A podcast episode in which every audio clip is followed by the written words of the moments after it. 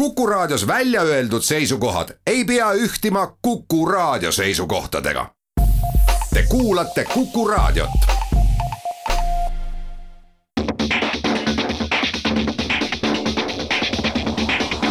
autotund. see on saade sulle, kui sul pole päris ükskõik, millise autoga sa sõidad.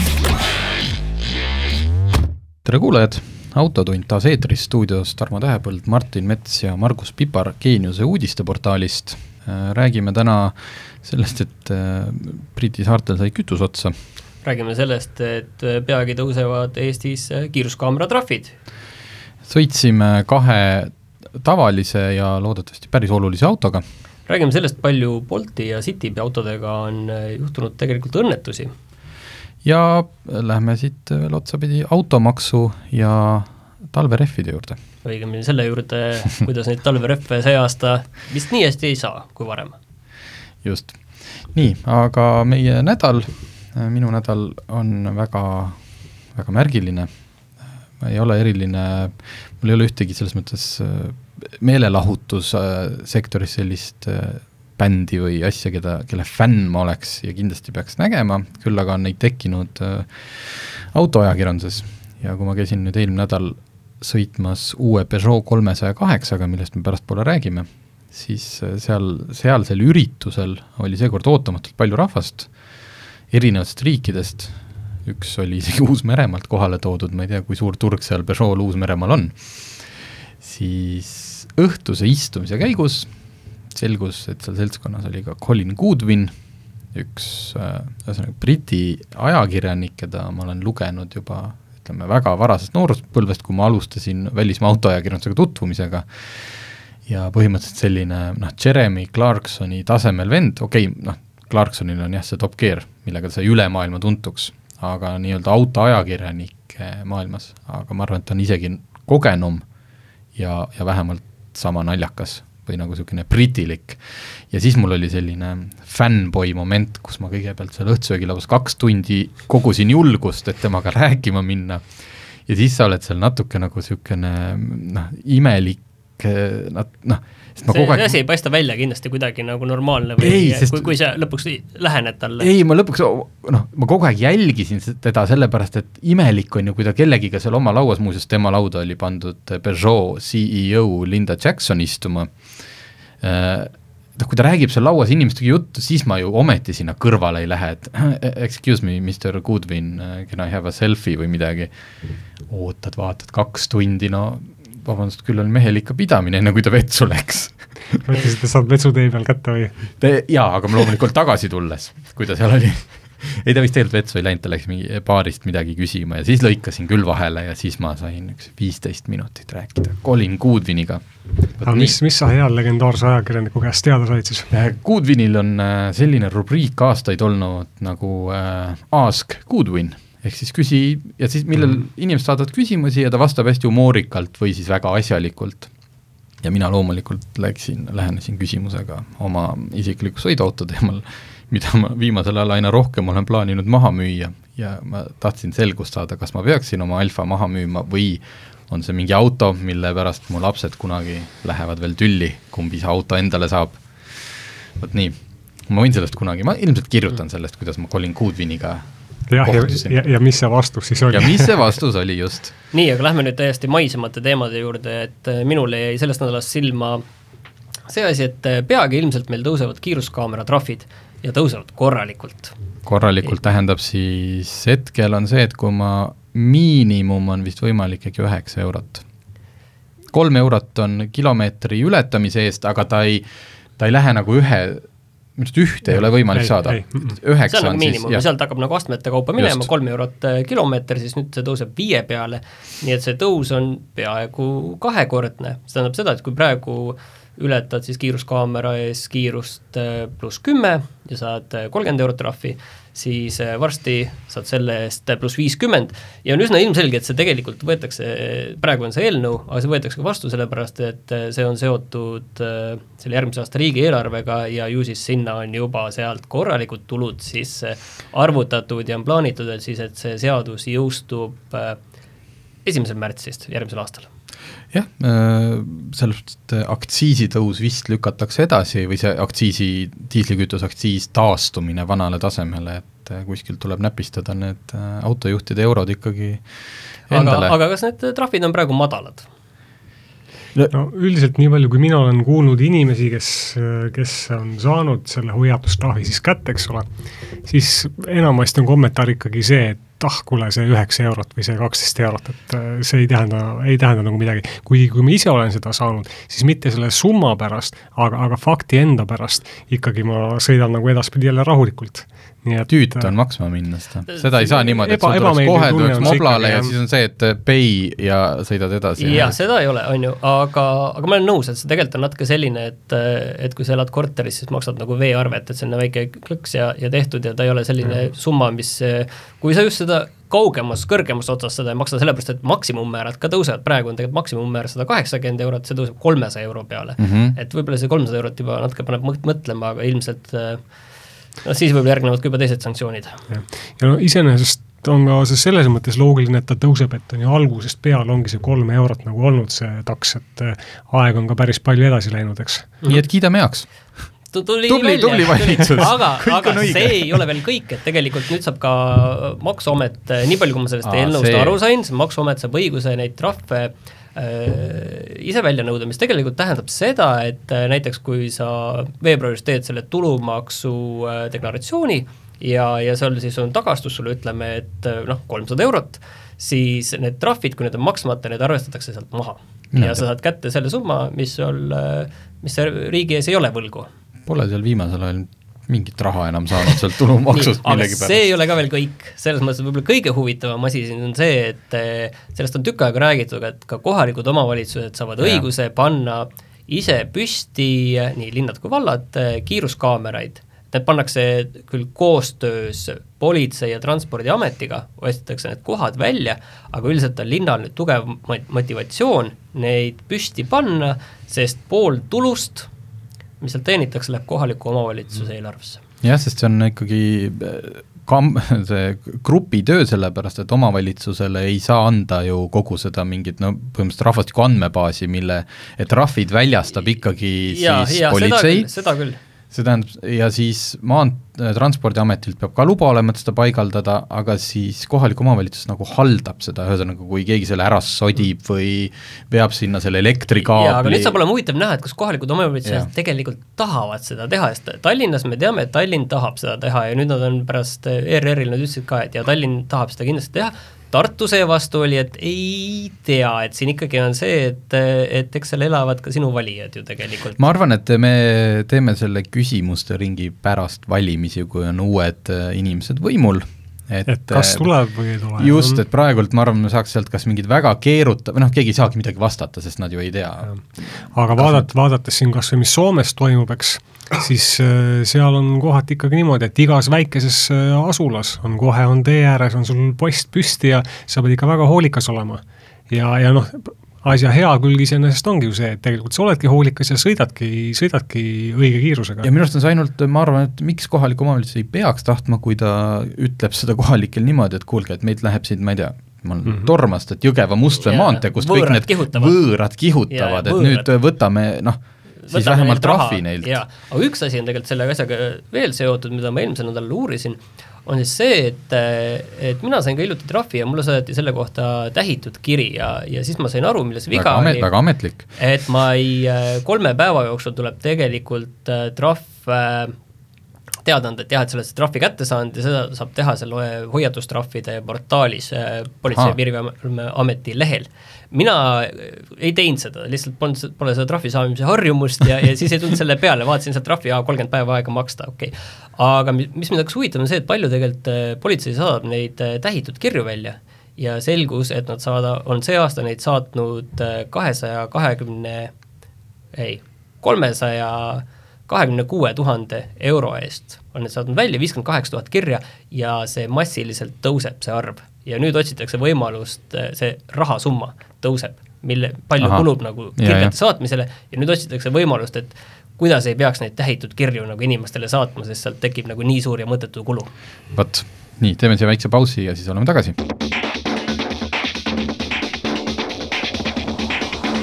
autotund.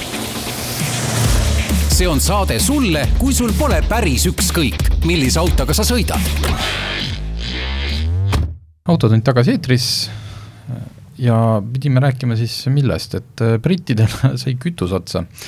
See on tegelikult päris mitu päeva vana uudis, võib-olla on selleks ajaks, kui saade eetrisse läheb, juba nende tanklad taas ääreni kütust täis, üks naljakas osa oli seal see, et Briti valitsus kaalub natuke oma sõnade söömist ja et kogu see kriis ära lahendada, siis nad vist pidid andma välja umbes viis tuhat ajutist tööluba võõrrekkajuhtidele, kes probleem, seda kütust veaks. parandage nüüd mind, aga nii palju, kui mina olen aru saanud, siis probleem neil ei ole see, et maailmas oleks äh, bensiin ja diisel otsa saanud, vaid probleem on selles, et neil on jah, logistiline probleem, et neil ei ole inimesi, kes tooksid neile äh, rekkadega selle kütuse kohale. just, ja juhtus sama asi, mis juhtus meil eelmine või üle-eelmine märts poes selle vetsupaberiga, et keegi kuskil ütles, et vist saab otsa ja siis on juba lumepalliefekt, siis kõik inimesed lähevad ja ostavad need tanklad tühjaks ja siis sul ei ole enam mm. -hmm. ja see oli olnud ikka päris traagiline, selles mõttes, et äh, inimesed, kellel päriselt oli vaja sõita, ei saanud oma autodele, noh, ma ei tea, alates kiirabiautodest ja noh, neil ilmselt on kuskil haigla juures see mingi varukütus, aga noh, ühesõnaga elu, elu ikkagi jäi seisma ja sellest juba kirjutati, ma vaatasin Autokaaris arvamuslugu, et et see, et see kütusekriis näitas, et kui, kui suur on inimeste seesama see range anxiety või see, et sa ei saa äkki sõita ja mis otseselt mhm. puudutab mm -hmm. elektriautosid, et äh, mul peab olema kogu aeg see aku täis või mul peab olema kogu aeg saada see kütus. muidugi elektriauto pooldajad kohe ütlesid, näete, elektriautodega seda ju ei juhtuks paned kodus seina, ei peagi üldse no, tanklasse minema, just nimelt. et meil tuleb elektrikriis siin peale, siis äh, või varsti... ütleme, mitte, mitte elektrikriis, ütleme, sul on, äh, ma ei tea, et mingi linnaosas on kaks päeva elekter ära või, ja siis, kui need, kõik need elektriautod seisaks seal nüüd seal laadimissabades, USA-s on tavaliselt mingid tän-, äh, tänupühade või ajal on need Tesla superchargerites on niisugune kolmkümmend autot järjekorras et seal sa ei saa ju oma sellega tuleb meelde see, et siin ju hiljuti Jõgeval ei olnud äh, kaks päeva elektrit äh, suures ja. linnas, et äh, ma ei tea, mis, üldiselt meil varustuskindlus on ju üsna hea elektriga, aga aga et selliseid asju juhtub, vähemalt seda, et meil kütus äh, saaks meil äh, otsa, et seda muret nagu ei ole, sest kütus lõi meil uue hinnarekordi, võib-olla inimesed lihtsalt ei lähe seda ostma, et kütus maksab äh, Äh, siis mitte üks sent, vaid üks, üks kümnendik senti alla ühe koma viie euro, et huvitav, kui kaua nad nüüd, need ben-, bensiinimüüjad hoiavad, noh seda, et, et ei ületaks, okei okay,, üheksakümmend kaheksa on läinud üle ühe koma viie, et noh, see, et seal postidel see üks koma viis nagu on ilutsenud, aga et noh, et seda üheksakümmend viit hoida üks, neli, üheksa, üheksa peale, sest et noh, see on nagu niisugune nende jaoks ka ilmselt märgiline. ma ei tea, ma arvan, neil ei ole mingit hirmu. mina kahtlustan ka pigem, et pigem on ikkagi see vaata, et saaks juba tõsta. et, et nagu see üks koma neli, üheksa, üheksa, kui see tuli posti otsa, siis, siis on see küsimus, et kelle posti otsa see esimesena tuli mm. -hmm. ega me ei tea ju või tuli see välja kuskilt, vist ei tulnud, sest ta käis nii sünkroonis, käis see liigutus, et kui see läheb üle ühe koma viie ka, siis see on ühel hetkel kõigil üks koma viis, üks üheksa ja kellel nüüd see esimesena oli, keda sa süüdistad, ei tea, noh, ja eks sul kütust on ikka vaja osta ja eks sa siis selle, võtad ikka selle tankla, kus sa tavaliselt käid, ei hakka teda vihkama selle pärast jah, peaks tegema selle osalusvaatluse ikkagi, paigaldama mingid kaamerad ja hakkama vaatama, kelle tanklas muutub esimesena. või muutub teised... sekundi pealt. ja kui kiiresti teised järgi tulevad mm. -hmm. selge, nii, aga kuna enne ma rääkisin sellest Peugeot kolmesaja kaheksast ja me viimasel ajal päris harva oleme jõudnud selliste sõidutestideni või kui räägime siis mingitest eriti ägedatest autodest, siis nüüd me käisime kahe väga äh, noh, ikkagi olulise autoga, Peugeot kolmsada kaheksa ja Margus sõitis Toyota Yaris Crossiga ja põgusalt käime üle, ühesõnaga Peugeot kolmsada kaheksa oli Peugeot valikus nüüd põhimõtteliselt viimane auto, mis ei ole saanud sellist suurt uuendust, noh nagu selle uue disaini, uue sisu, kõige selle no, peale. see oli ikkagi üsna vana mudel juba. oli jah, ja, ja nüüd on see kohal, õigemini ei ole kohal, Prantsusmaal käisin sõitmas, Eestisse ta Äh, vist tootma hakatakse seda autot oktoobris ja kätte saab siis kuskil ähm, järgmise aasta alguses. ja tuleb tunnistada, et noh, eks ma üldse olen siin viimasel ajal millegipärast väiksemaid ja mõistlikumaid autosid vaatama hakanud, aga no on ikka ilus auto küll see tuleb siis nagu kõigi versioonidena, ma eeldan, et see tuleb kahe, sisepõlemismootori hübriidina ja elektrina? mootorid just ja, ja keretüüp on siis universaal ja luukpära, disainilt noh, minu arust on selline disain, et mitte, et ainult mulle meeldib, vaid nad mhm. ongi teinud ilus auto. eriti selles ilusas rohelises värvis, mis seal on. aga mis mind üllatama pani ja seest on ka, seest on ka väga ilus, kuigi ma ütlen, et võib-olla see on taotluslik, et sa ei näpiks kogu aeg seda ekraani ja neid nuppe.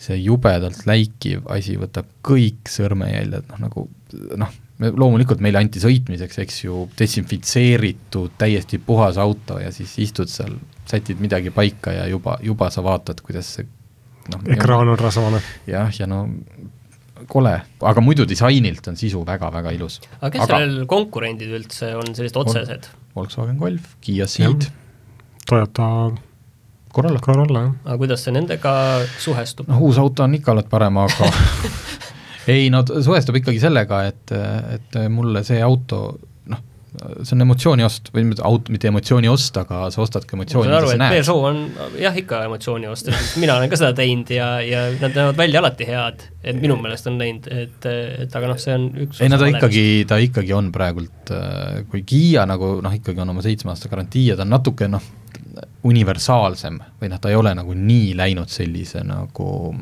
ilu ja sära ja glamuuri peale, siis Peugeot nagu võtab sellist liigub natukene sinna premium, noh, mitte premium klassi, aga natuke ülespoole.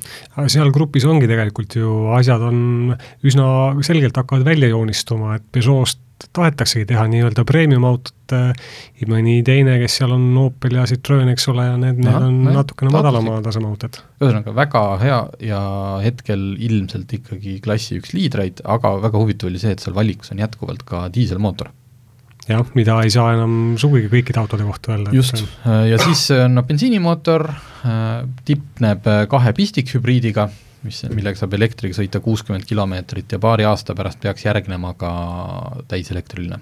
aga ühesõnaga, see põgus, põgus sõit seal Prantsusmaal jättis küll nagu, et Peugeot ei tea, viimase paari aastakümne ikka ühes tugevamas nagu kohas oma mudeli valiku ja kogu selle nagu oma olekuga. ja sinu Toyota Yaris Cross? no Yaris Cross on kahtlemata väga oluline auto, et ähm, väikeseid linnadžiipe müüakse ju palju, eks ole, Toyota on Eestis alati populaarne olnud ja nüüd siis ongi, et Yarisest on tehtud natukene suurem, natukene kõrgem ja uhkem versioon. Mis selle auto puhul ehk veel oluline, et seda saab ka nelikveolisena, et selles mõttes võib, võib ka tegelikult okay. linna, linnadžiip öelda selle kohta, et et enamasti või niisuguse enamasti, aga väga paljudel juhtudel selles klassis on, näeb džiibi moodi välja, aga, aga on ikka puhtalt ainult esiveoline auto. aga kas veel on üldse, millised sellised päris väiksed sarnases klassis äh, üldse on veel nelikveolised uh,? no esimene meenub Suzuki Vitara. jaa, väikesest no Dacia, eks ole. Dacia Duster ja nüüd äh, kiiresti täidame eetrit sellel ajal, kui me mõtleme millegagi no ongi vähe. ühesõnaga, ühesõnaga valik on väike. kas Volkswagen ka T-Rocki sai nelikveolist? ma pigem pakuks esimese hooga, et ei. ei, minu meelest ei ole. või sealt äh, seda Aronat. Aronat küll ei ole. jah nii et ühesõnaga vähe on neid igal juhul, see on nagu selge. ma ei tea, Toyota järjekordne piisavalt äh, erilise mudeliga. Toyota järjekordne müügihitt. või kas saab müügihitiks? oli hea. noh nagu ei, ta oli ega tal nagu hea oli ta igal juhul jah, oli, oli, et, et ja kui me räägime siin nagu mootoritest, eks ole, tal on bensiinimootor ühe koma viie liitrine ja, ja, ja hübriid, no hübriidi suur eelis on ikkagi see, et ta, ta on väga ökonoomne. et, ähm, et nii proovisõitu, meie proovisõidul kui ka, kui ka võrdlustestides Toyota hübriide vaatad, siis on ikka selge, selge eelis on neil. ja äh, teeme siia väikse pausi ja siis oleme varsti autojuttudega tagasi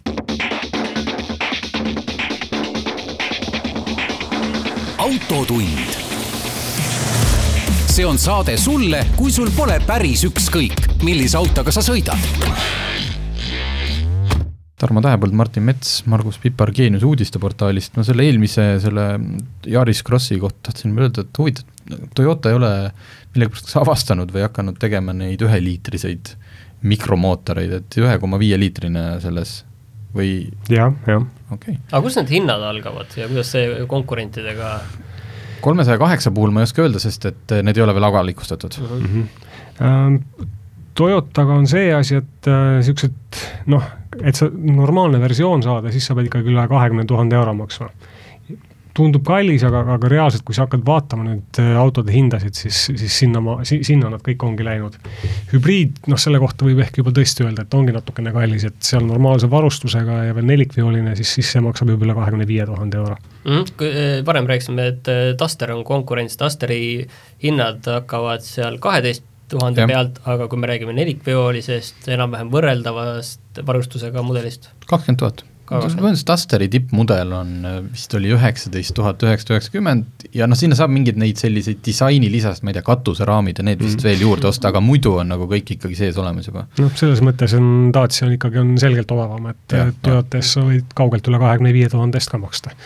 aga mõistlik auto saab ka ainult bensiinimootoriga, eks ole, siis kuskil kahekümne, kakskümmend natukene peale äkki, on, on igati hea auto juba jah, kusjuures ma vahelduseks seal äh, Peugeot sõidul võtsin äh, seal noh, see on tohutu selline parkla, kus sa valid erinevaid neid äh, keretüüpe, mootoreid, ja võtsin selle kõige lahjema saja kümne hobujõulise manuaalkastiga kolmesaja kaheksa, millel no, oli tehakse manuaalkastiga veel? tehakse, jah. millel oli veel seda ekraanindust natuke vähem ja, ja ausalt tegin ühe tunnise ringi ja nii-öelda ma ütleks, et noh, jälle, kui sa võtad oma vanematele, kes näiteks ei taha ikka veel automaatkastist midagi kuulda, väga timm oli, selles mõttes kõik see jõudlust oli, piisavalt noh, varustust, kõike, aga jällegi, sellest on vähe kasu, kuna ma ei tea, mis see maksab. loodetavasti lähikuudel selgub.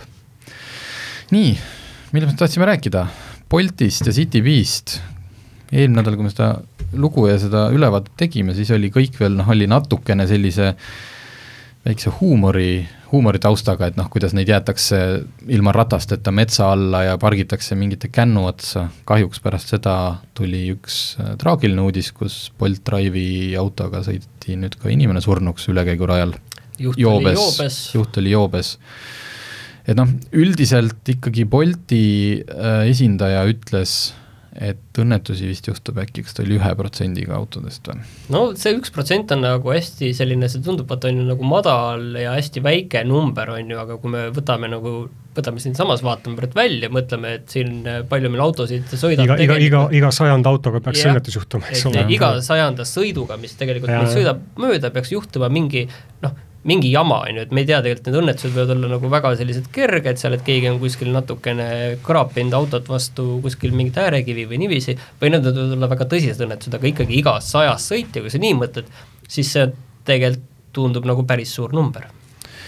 jah, et, et see on nagu noh, ammu teada, aga vajab nagu ikkagi ülekordamist, et see, et sa võtad selle Bolti auto, kui saadakse teada, et sina olid seal roolis ja kuidagi saadakse ju teada, sest muidu sa ei saaks võtta siis ei noh, see, et see on mingi lühirendiauto, ei vabasta sind mitte ühestki vastutusest. kui sa selle purjuspäevaga puu otsa sõidad, maksad selle auto täiega kinni. pluss trahvi veel Boltile. just, kui sa, täpselt, kui sa sellega kihutad, kõik need asjad nagu kehtivad, nagu see oleks tavaline auto. ta ei erine mm. kuidagi. aga mille peale, kas Martin, kas sina tõid välja või keegi meil selle, et üks asi nende Bolti asjadega küll on, mida Bolt ei suuda hetkel kontrollida, on see, et kui inimene emotsiooni pealt otsustab et ta tahab jah, vaat see on nagu külaelu, on ju, et küla peal ütleme, et äh, mehed võtavad õhtul napsu ja siis on tunne, et vau wow,, läheks nüüd sõitma, on ju. et siis kas äh, keegi võidab tõest võtmed ära või ta lihtsalt ei, ei saa kuskilt autot, siis tegelikult nüüd on see asi, et, äh, et tegelikult see auto saab väga lihtsalt võtta endale jah, jalutad kodu poole, telefon on taskus. jaa, et sa oled kunagi küll. teinud täiesti, sul ongi ametlikult see Bolt Drive'i konto, sa oled sõitnud, ma ei tea, kümme sõitu täiesti korralikult ja kõik, aga siis sa oled see tüüp inimene, kes leiab, et noh, purjus peaga on okk rooli minna ja siis see juhtub, et see on jah, et et äh. küsimus on see, et kas peaks alkolukk olema nendel autodel? Äh, ma imestan, et seda varem pole nagu valjemalt räägitud, sest tegelikult see alkolukk ei ole ju mingi uus tehnoloogia ega, ega mingi võõras asi, et äh, siin naaberriikides, jälle toome Soome näiteks, eks ole, siis on taksodel on ikka tohutult ammu on see juba peal, et äh, aga on, vaata taksod, see on, praegult on eriti selle Covidi ajal on vist seal al-, alkolukuga see, et kuidas seda teha nii, et see noh, et kõik, kõik me sinna sisse tatistame, et see aga, nagu hügieeniline oleks, et taksojuht on, eks ju. aga taksojuht ju keegi teine, nojah, okei okay,, ta ise, ta taksojuht jah, aga jah, Boltil tõesti, et kuidas sa selle kas ma tahan sinna puhuda, kui ma, no ühesõnaga, see on, ma arvan, see on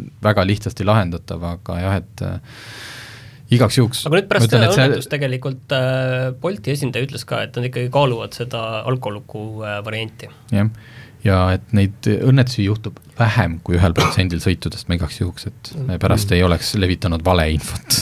mitte üks protsent, vaid vähem kui üks protsent. aga tegelikult, mida Bolt tõi veel välja, on väga huvitav, et äh, nad tegelikult jälgivad ka nende lühirendiautode kiirust ja sõidumaneere. et No ehk siis GPS-id on peal, ma eeldan, et rohkem vist ilmselt seal väga midagi ei ole, et võib-olla tegelikult seal on sellised asjad nagu äh, noh, telefoniga saaks võib-olla mõõta ka veel igasuguseid asju, on ju. ei no mingid, mingid boksid, mis see, seesama GPS boks eks ilmselt mõõdabki nagu seda, ma ei tea, Tesla, Tesla ju salvestab ka sul kõik, kõik no info, et kas kiirendused ja ei, ei salvesta niiviisi nagu Tesla neid asju, aga lihtsalt see on nagu huvitav asi, mille peale nagu äh, need rentijad võisid ka mõelda, et tegelikult kui sa mõtled, et suva, et ma külavaheteel lasen saja kahekümnega selle Boltiga, siis äh, tegelikult ühel hetkel äh, võib juhtuda nii, et järgmine kord sa seda autot ei saa võtta enam. ja see on üks asi, aga teiseks Bolt Drive'i rendiautoga siin on öelda, paarutajad võivad saada ka kahe tuhande euro suuruse leppetrahvi, millele sa oled seda äppi kasutama hakates tegelikult alla kirjutanud. ma arvan, et keegi ei ole seda lugenud küll, aga absoluutselt ei ole,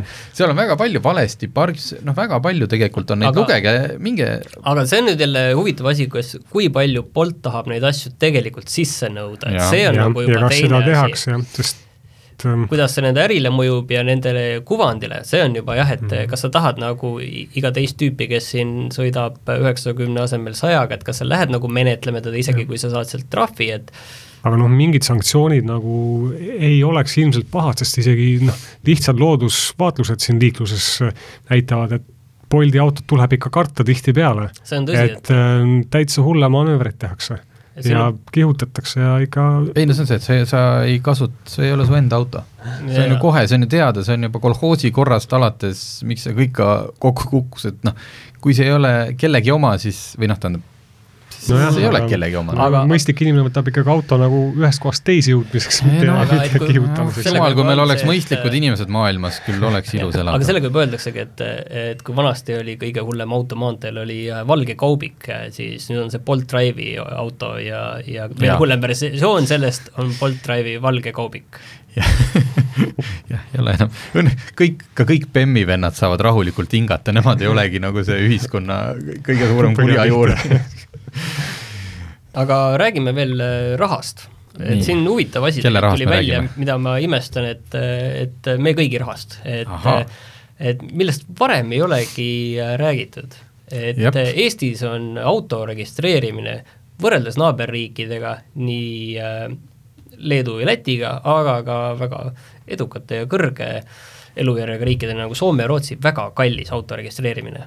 Kordades kallim, et äh, raske on ka aru saada, kuidas see nagu võimalik on. suur, suur tänu kuulajale, kes meie tähelepanu sellele juhtis, et te võiksite võrrelda, et noh, siin on äh, natuke see on see, et meie naaberriikides on olemas mingi automaks, siin on hästi keeruliselt see lahti seletatud, millel see tugineb, aga kui me räägime registreerimisest, siis äh, teatud hetkedel on Eestis auto esmaregistreerimine kallim kui Leedus auto esmaregistreerimine, kuhu on juurde arvestatud ka juba automaks, okei okay,, Leedus sa pead seda automaksu maksma iga aasta, aga vähemalt esmaregistreerimisel.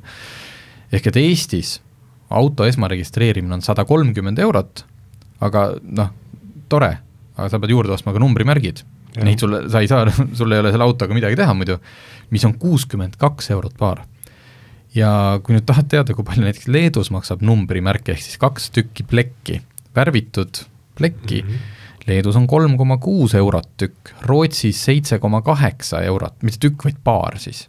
no jah, ette ja taha kaks tükki. ja ja Eestis on kuuskümmend kaks eurot. ja samamoodi ka lihtne autoomaniku vahetus äh, on ju tegelikult pagana kallis, kui sa mõtled, et mis, mis seal taga on, eks ole. tehakse sulle arvutis kaks klikki ja, ja ja sul enam ei vaadata üle autot, eks ju, sa saad need klikid isegi ise teha. Jaa, jaa, just. Mõttes, siis, siis ta on küll natukene odavam, aga ta on ikkagi metsikult kallis. ja noh, ja, ja siis sulle saadetakse koju, eks ole, või sa saad selle rohelise paberi ja come on, selle eest kuuskümmend eurot võtta. ja mul on just see seisab ees, sest kuna ma, mul see kevadel ostetud äh, varuosa auto ei ole veel minu nimel, ma otsustasin, et ma teen selle nüüd ära. Eestis on see, kui sa teed veebis nelikümmend kaheksa eurot, on see, et kui mina ostan Marguselt auto, registreerin minu nimel ümber, nelikümmend kaheksa eurot. ise istume koos arvuti taha maha, hakkame klõbistama, tehtud. Leedus üksteist eurot, Soomes viis koma kuus eurot, kui sa seda veebis teed. Eestis ütlen uuesti, nelikümmend kaheksa, nii et selles mõttes kas automaks vist või. Tundub küll, et iga liigutuse pealt, mis sa nagu teed, ikkagi kooritakse. jah, et äh, okei okay,, siin on see kõik need automaksud, aga keegi siin isegi nagu ah,, üks hea uudis on ka see, et kuskil kuluaarides tegelikult räägitakse, et äh, peaks noh, vist riigilõivu hakkama, riigilõivumäärasid hakkama tõstma ma saan aru jah, et Eesti riigil on suur mure, et, et Eesti tegelikult on ju selline autoriik, et, et kuidagi peaks nende inimeste käest ikka selle raha kätte saama, isegi kui me seda ametlikku automaksu ei tee, millega siis ilmselt inimesed oleksid väga pahased, sest ükski valitsus väga nagu ei taha sellist asja teha. just, teeme siia väikse pausi ja siis oleme tagasi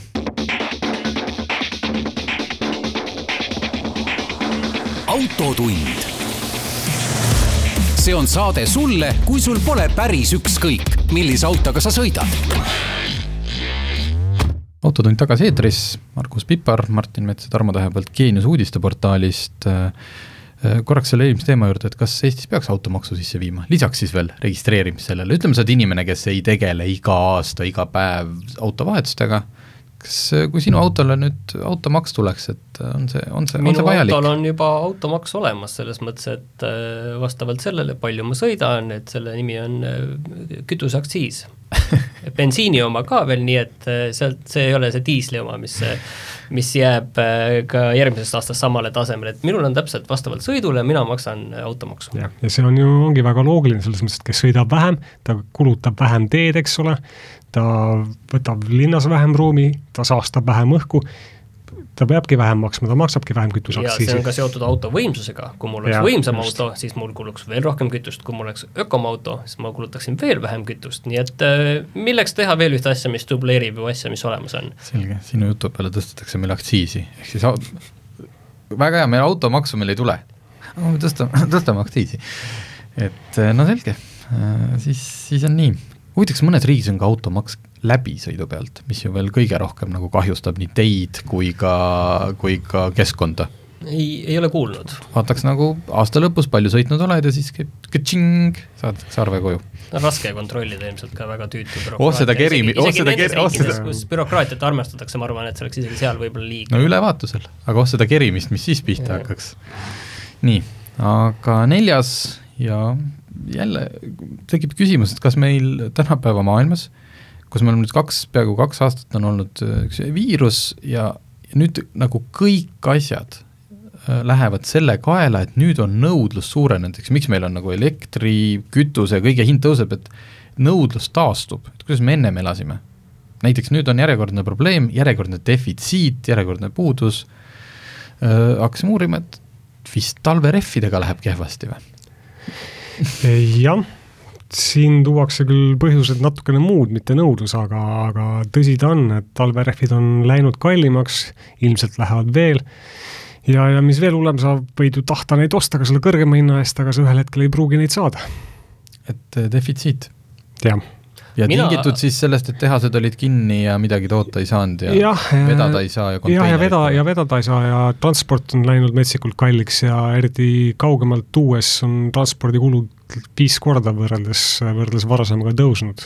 et kõik see kajastub hinnas ja, ja kuna ka väidetavalt on nagu tootmisressursse kätte saada raske või, või kohati võib-olla isegi võimatu, siis, siis räägitakse ka, et rehve ei suudeta toota nii, nii palju ja selliseid nagu vaja nojah, see on nüüd küll siis halb uudis. ma praegu äh, just tund aega tagasi vaatasin äh, enda autole, mul on vaja osta, ma isegi ei ole otsustanud, kas veel naast või lamell, aga, aga praegu on tegelikult veel valikut äh, ühe populaarse rehvimüüja juures vaatasin seda, et valikut nagu täna veel on, täna veel, ma saan aru, see kohe mm, -hmm. kohe veel kohal ei ole, aga nüüd, kui ikkagi hakatakse rehve vahetama, hooaeg hakkab nagu päriselt pihta, et ilmselt siis seal lõpupoole võib minna väga keeruliseks, ma saan aru, probleem on eelkõige sellega, et mingite spetsiifiliste mõõtudega tekivad eelkõige need probleemid. jah, me rääkisime jah, kolme müüjaga rääkisime ja nende kõigi ühine sõnum oli see, et praegu nagu on täitsa okei okay,, aga et kui nüüd peaks ikkagi mingid, mingisugused äh, rehvimõõdud laost otsa saama,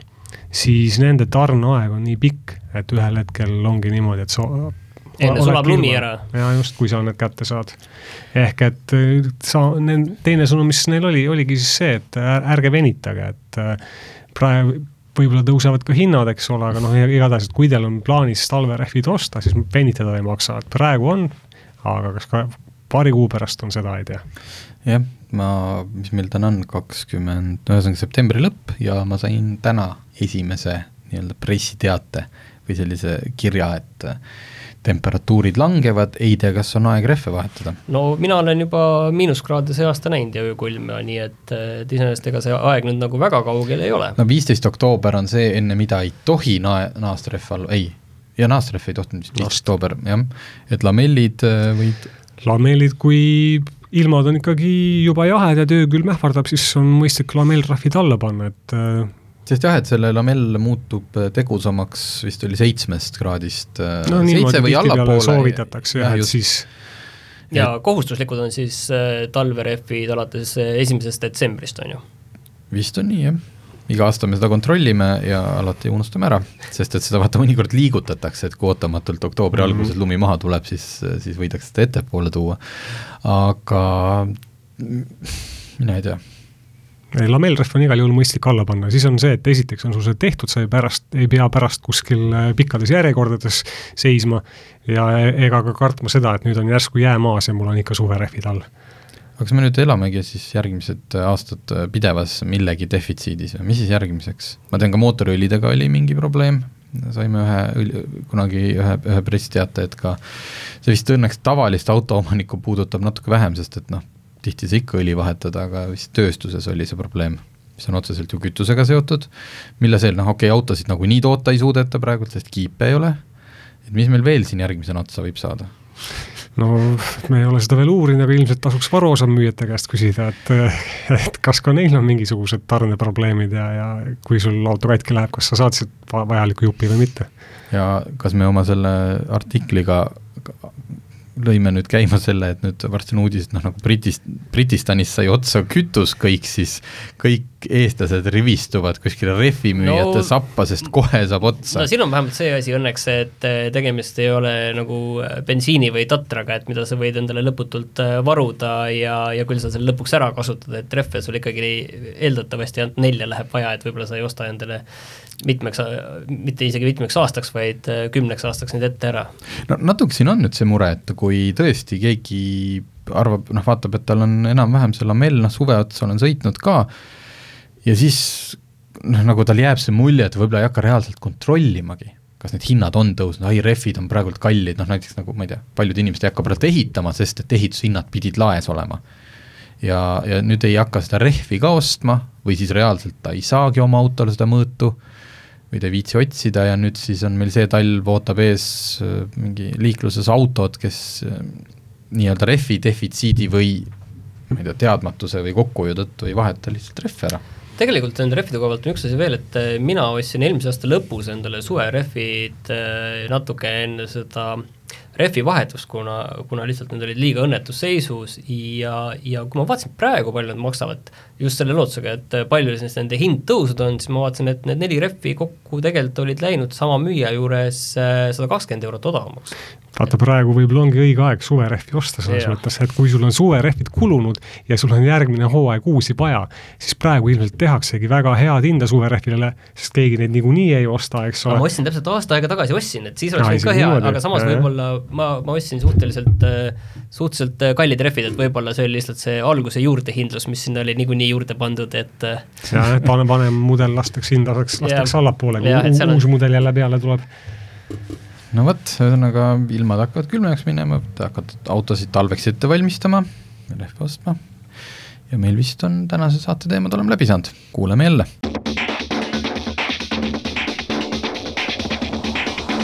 autotund. see on saade sulle, kui sul pole päris ükskõik, millise autoga sa sõidad